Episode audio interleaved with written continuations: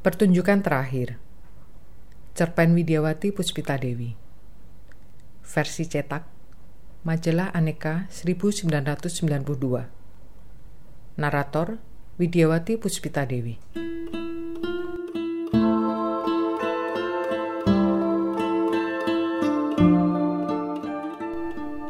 Dengan irama yang kian melambat, Tobi menyelesaikan permainan pianonya dengan lembut. Pembawaannya yang tenang tak banyak berbeda dengan dua tahun yang lalu. Ia masih tampak berwibawa dengan sedikit senyum yang diberikannya kepada penonton, yang memberikan tepuk tangan hangat padanya. Kepala Tobi cuma mengangguk pelan dan cukup sekali. Langkahnya yang berat meninggalkan panggung pertunjukan solo pianonya. Cuma begitu Padahal tepuk tangan penonton masih menggema ke seluruh penjuru gedung pertunjukan ini. Aku menghela napas. Masih seperti dulu. Cuma beku. Ia masih sebagai sosok yang dingin, angkuh, dan tanpa senyum. Setiap Tobi mengadakan pertunjukan, aku selalu melihatnya. Meski aku duduk di deretan yang paling belakang.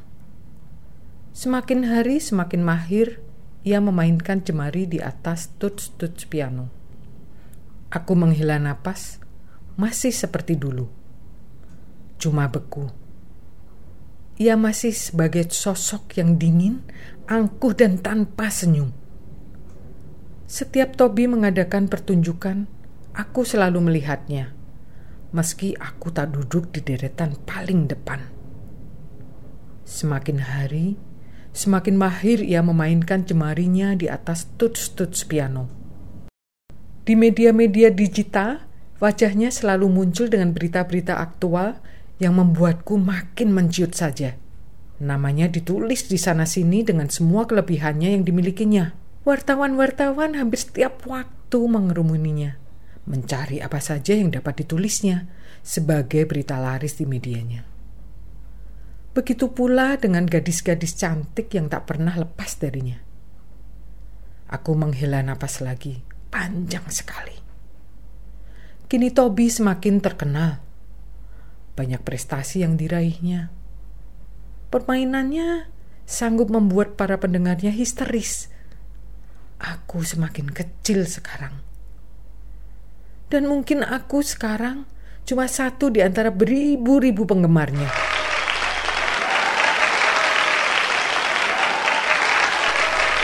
Gedung pertunjukan bergemuruh. Suara-suara simpang siur terdengar. Pertunjukan piano Tobi sudah usai. Kaki-kaki mulai meninggalkan gedung. Dan aku harus segera bergegas pula. Aku tak mau menjadi orang terakhir yang meninggalkan gedung ini.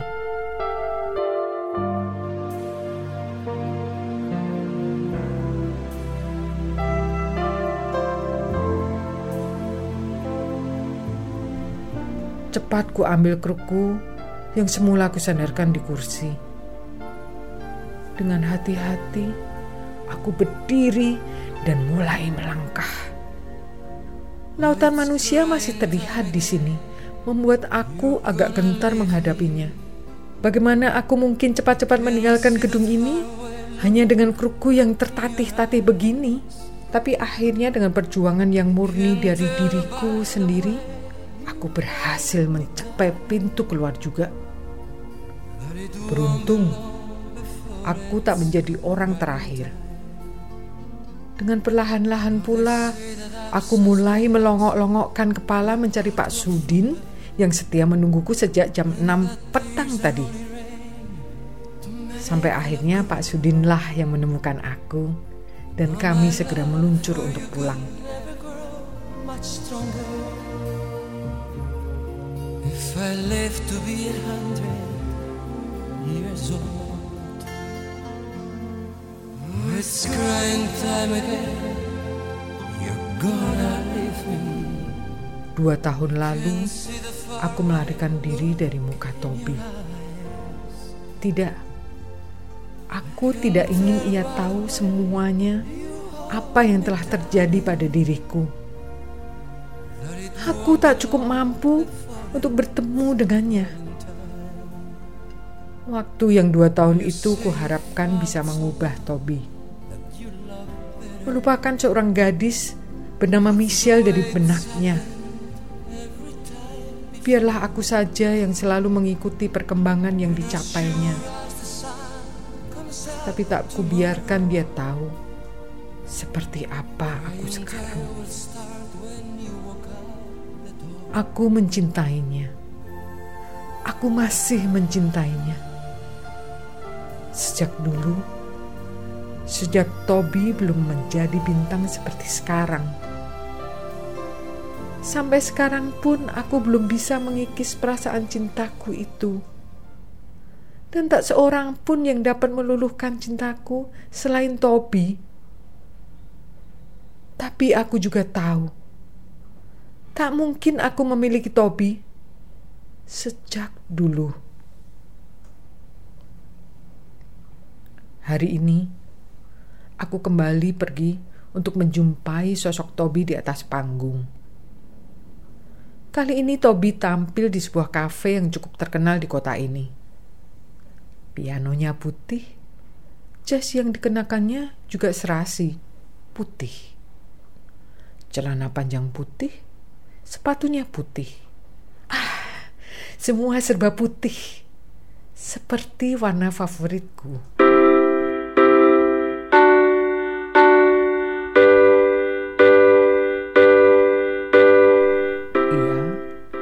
Juga masih tenang seperti kemarin-kemarin. Tak banyak senyum dan tak banyak cakap. Mulailah ia menekan-nekan tuts-tuts piano di hadapannya. Wajahnya tanpa ekspresi, dingin dan beku. Topi memainkan sebuah lagu sempurna. Aku menatapnya dari meja paling sudut sendiri. Aku merasa begitu dingin. Oh Tuhan, aku ingin mendekapnya. Pipiku basah tiba-tiba.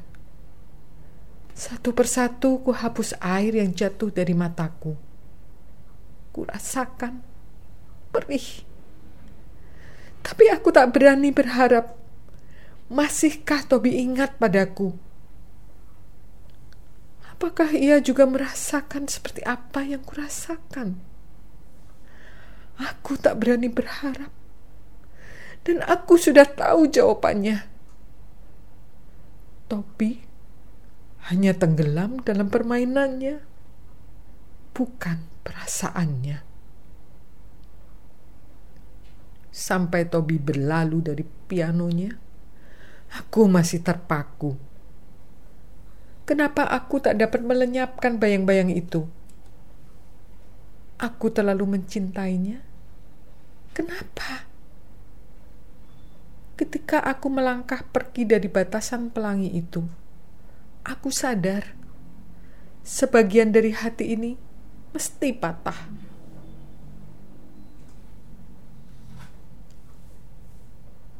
Kali ini Aku harus pulang dengan kekalahan yang sempurna. Aku menangis. Kenangan itu kembali menyiksaku. Sementara aku tak tahu akan terus beginikah aku. Meraih-raih sesuatu yang tak mungkin kudapatkan. Bermimpi pun seharusnya aku tak boleh Aku sudah cukup tersiksa dengan semua ini. Empat tahun yang lalu, aku mengenal sosok Tobi. Waktu itu, Rara yang mempertemukan kami. Aku cepat tertarik pada Tobi. Aku sudah cukup tersiksa dengan semua ini.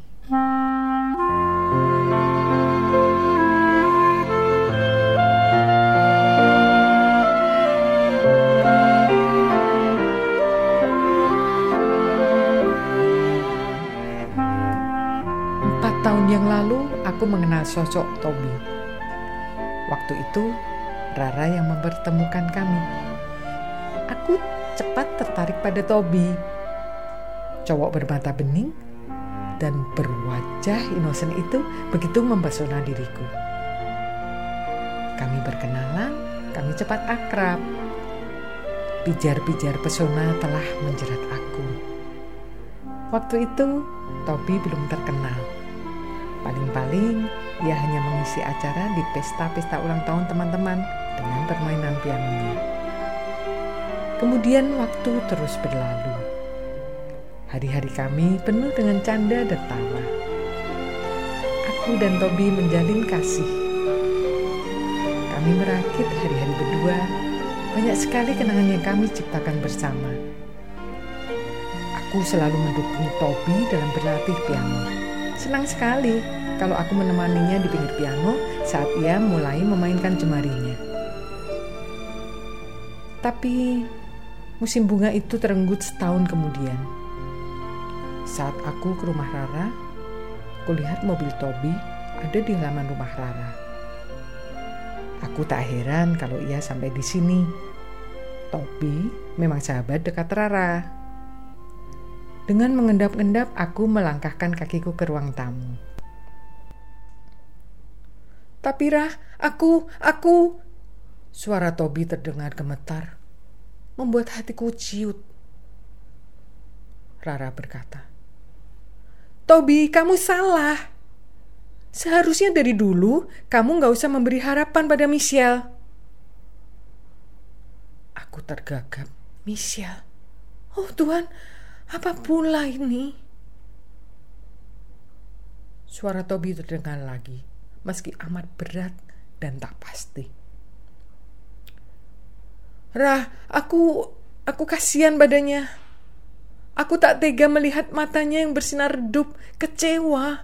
Aku kasihan, Rah. Tapi kamu gak mencintainya, kan?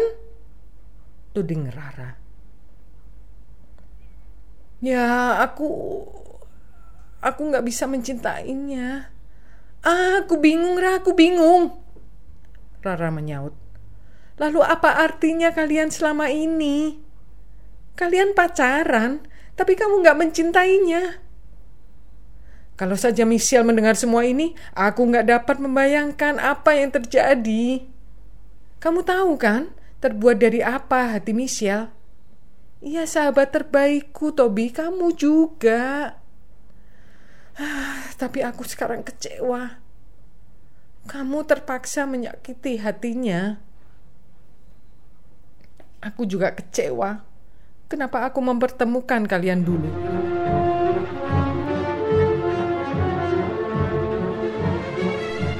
Kunang-kunang di mataku semakin banyak. Kepalaku berdenyut-denyut seperti kena hantaman benda yang sangat keras. Dadaku naik turun dan napasku sesak. Tidak, tidak mungkin, jeritku dalam hati. Tobi sekejam itu. Tobi tega. Mengapa ia kasihan padaku? Kalau saja aku tahu bahwa Tobi memang tak mempunyai perasaan cinta padaku, rasanya aku masih dapat berdiri tegar sampai sekarang. Tapi sekarang, setelah semuanya terjadi, aku menabur benih-benih cinta yang tulus buat dia. Hah, betapa menyakitkan. Semuanya palsu. Adalah sandiwara yang telah dipentaskan oleh Tobi selama ini. Susah payah. Aku menahan air mataku jatuh di muka Tobi. Aku melangkah masuk dengan ketenangan yang luar biasa. Rara dan Tobi sama-sama tersentak. Wajah mereka pucat pasti melihat aku yang datang. Sementara langkahku mulai sempoyongan. Tobi, sekarang sandiwaramu telah berakhir. Kamu memang aktor yang paling baik yang pernah kulihat. Best of the best, Tobi. Ujarku lirih. Katanya, Michelle, aku Jangan katakan apa-apa padaku, Tobi. Semuanya telah berlalu. Jangan lagi ada yang ditutup-tutupi. Pelan sekali suaraku. Dan kemudian aku pergi meninggalkan tempat itu. Aku menangis, menyesali apa yang telah terjadi. Aku mencintainya. Aku mencintainya. Desahku. Mataku yang berurai air mata itu yang menyebabkan pandanganku kabur. Dan ternyata berakibat fatal bagiku. Mobilku dilindas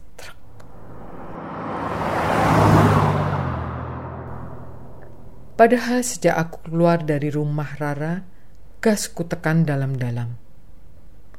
Aku sadar kemudian aku sudah terbaring di rumah sakit dengan kaki yang lumpuh.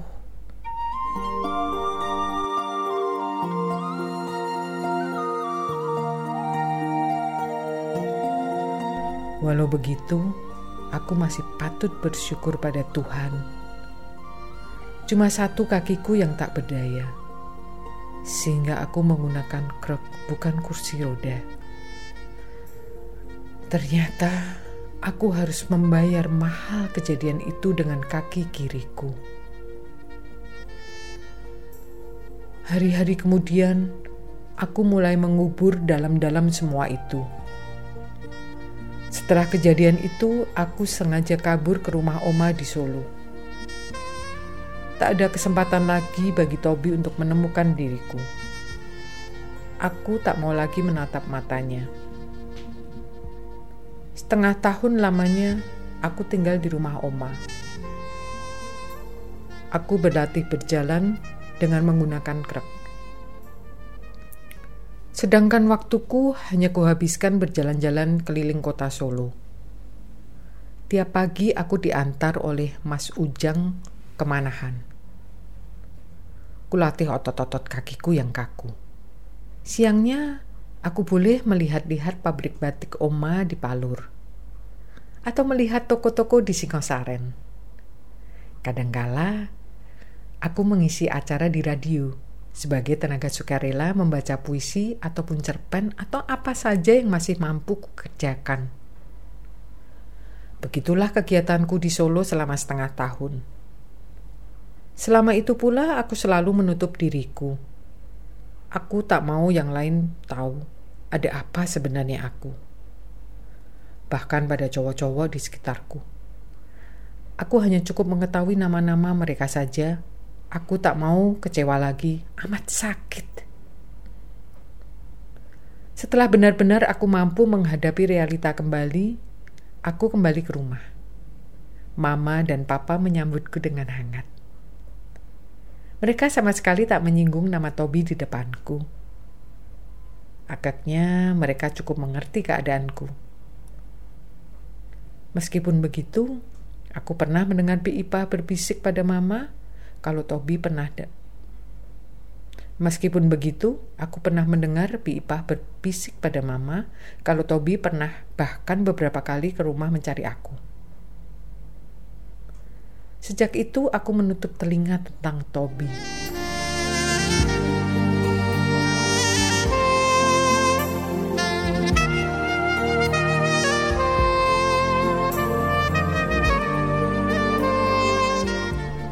Tapi tak lama kemudian, media online dan TV sering memuat Toby sebagai berita hangat. Cowok jenius, kata mereka. Kemampuannya luar biasa ada bakat ajaib dari diri Toby dan berita-berita yang memabukkan lainnya tentang Toby. Mau tak mau, aku kembali menyimaknya. Ternyata cowok itu sekarang telah menjadi superstar. Sedikitnya aku boleh bangga terhadap Toby. Ia telah mencapai segala-galanya sekarang. Dan sedikit demi sedikit aku mulai membangun diriku kembali. Di setiap pertunjukan pianonya aku selalu hadir. Aku selalu mengikuti irama-irama yang diciptakannya dengan amat apik. Perasaanku jadi haru biru. Toby sudah berhasil. Bila malam ini aku duduk di kursi paling sudut di sini, aku ingin mengingat kembali apa yang pernah terjadi antara kami. Dan sekali lagi, aku ingin melihat keberhasilan Toby yang gemilang. Toby tampil berbeda malam ini. Wajahnya tampak dua kali lebih dingin dari biasanya. Bibirnya yang kaku itu bergerak-gerak, katanya. Saya ingin membawakan sebuah lagu yang khusus saya persembahkan bagi seseorang. Gadis itu telah menghilang sejak dua tahun yang lalu. Sejak saya telah menyakiti hatinya. Dengan satu ucapan, saya, saya, saya mencintainya.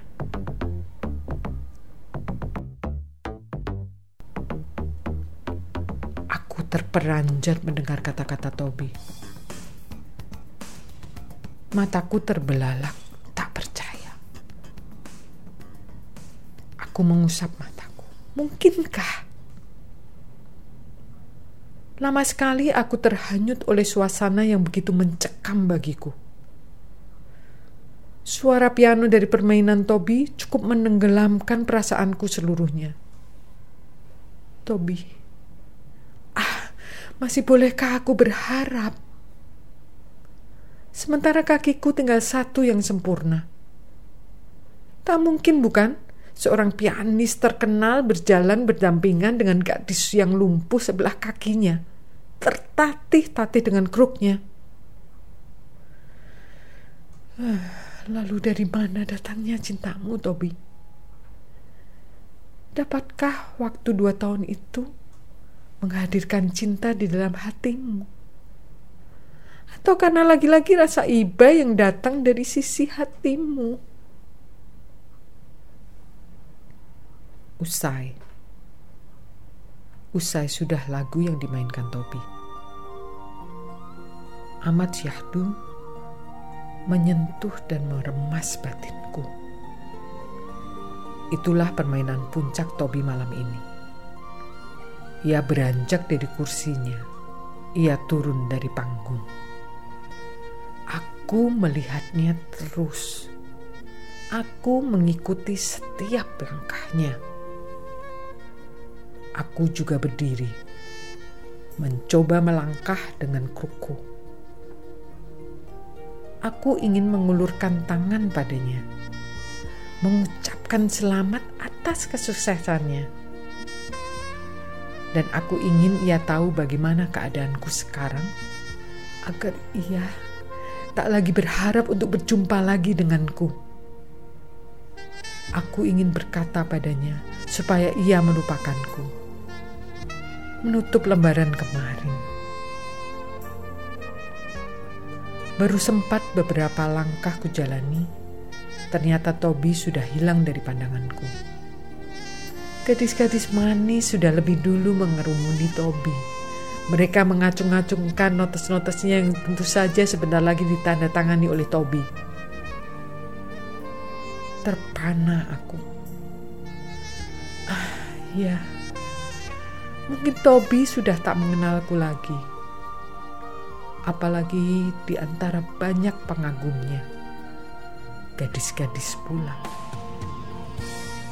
Akankah ia berpaling bila aku memanggil namanya? Langkahku memutar. Sekali lagi dengan grup penyangga aku mencoba menyeruak langkah-langkah orang-orang yang mendekati Tobi. Aku harus pergi. Tobi bukan milikku. Ia milik dirinya sendiri. Dan mungkin pula milik gadis-gadis penggemarnya itu. Michelle! Michelle! Sebuah suara menyergap langkahku. Aku bergetar. Tuhan, itu suara topi. Perlahan, Aku menoleh ke belakang. Toby menatapku dengan sinar mata yang tak percaya. Aku menatapnya sejenak. Aku menatapnya sejenak. Mencoba tersenyum tipis. Tipis sekali. Tapi aku tak berpaling lagi. Masih dengan kerku, aku mencoba melangkah meninggalkan tempat itu. Tertatih-tatih Sementara masih kudengar lagi suara Tobi memanggil-manggil aku. Tapi kemudian suara itu hilang, ditelan oleh jeritan-jeritan tertahan dari gadis-gadis yang mengelilingi Tobi. Tobi, aku masih mencintaimu. Tapi kali ini aku tak ingin meraihmu lagi biarlah semuanya berlalu. Dan di pertunjukan-pertunjukan Tobi berikutnya, aku tak pernah datang lagi.